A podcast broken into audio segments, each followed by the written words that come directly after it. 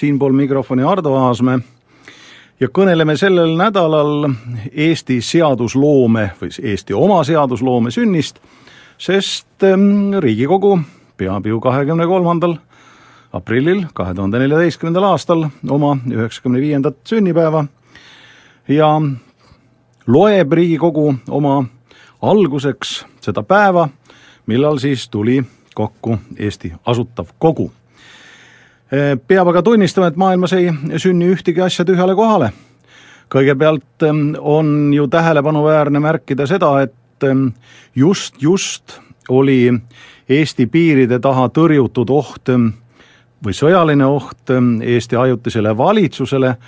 ja kõik see toimus ju tegelikult tuhande üheksasaja üheksateistkümnenda aasta paari esimese kuu jooksul ja kui nüüd mõelda seda, et juba aprillis oli läbi viidud Asutava Kogu valimised ja Asutav Kogu tuli kokku,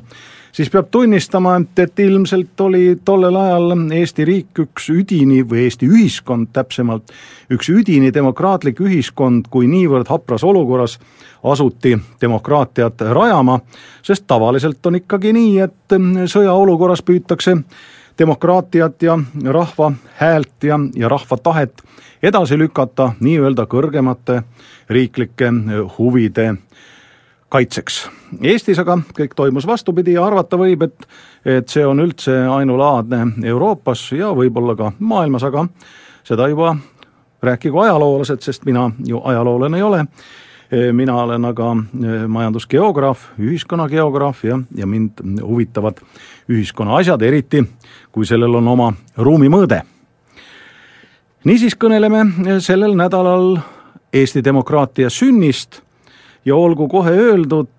et ega Asutav Kogu ei olnud üldse mitte esimene katse Eesti rahvaesindust kokku kutsuda või seda teostada ja selleks, et oleks põhjust üldse äh, rääkida Eestimaast äh, kui sellisest ja, ja tema asutava kogu kokkukutsumisest, millest äh, meil on sellel nädalal ilmselt mitmel pool päris palju juttu, oli vaja ju kõigepealt moodustada ju Eestimaa, sest tsaariajal teatavasti eestlastega asustatud alad olid jaotatud kahe kubermangu vahele, see oli siis Eesti kubermang või täpsemalt Eestimaa kubermang, see on siis Estlandia, Estland, ja Liivimaa ja olgu siis öeldud, et rüütelkondi oli ju Eesti või tänasel Eesti alal ju tegelikult kolm, oli siis Eestimaa rüütelkond, Liivimaa rüütelkond ja Saaremaa rüütelkond. Ja Põhja-Liivimaa oli siis asustatud eestlastega noh, seal meie ajal kõige tuntum linn oli ju Tartu ja seetõttu, kui Venemaal toimus veebruarrevolutsioon ning ähm, tsaar kukutati, mis lõi eeldused ähm, tegelikult Eesti etnilise ala ühendamiseks ähm, ühte administratiivüksusesse. teatavas mõttes võib öelda, et meie jõudmine iseseisvumise nii, ja parlamentarismini algas kaugemalt, see on siis impeeriumi pealinnast, tasahilju,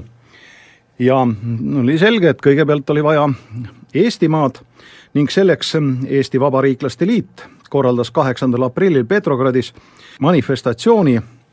milles osales ligi nelikümmend tuhat eestlast ja ürituse eesmärk oli siis sundida äsja ametisse astunud ajutist valitsust tunnustama Eesti autonoomia taotlusi ja viivitamatult ähm, esitama vastavasisulise omavalitsuse eelnõu. ja tolleaegsete meeleolude järgi, see on siis aasta enne Eesti Vabariigi väljakuulutamist ähm, ju iseseisvusele praktiliselt ei mõeldud, tollel ajal oli Eesti ühiskonna ja ka meie Peterburi kogukonna mis oli väga mõjukas ähm, tänase päevaga võrreldes impeeriumi pealinnas, nende mõte oli ikkagi Eesti autonoomne või laialdase autonoomiaga Eesti osariik demokraatilise Venemaa koosseisus. ja eks eestlased vaatasid ikkagi Soome poole, sest Soome autonoomia ju tähendas seda, et Soomel oli ju Venemaaga tollipiir, soomlastel oli oma kodakondsus, soomlastel oli oma raha, soomlastel oli oma kohus,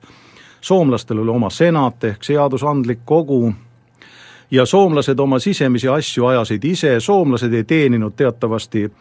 Vene sõjaväes, Soomest ei mobiliseeritud ju sundkorras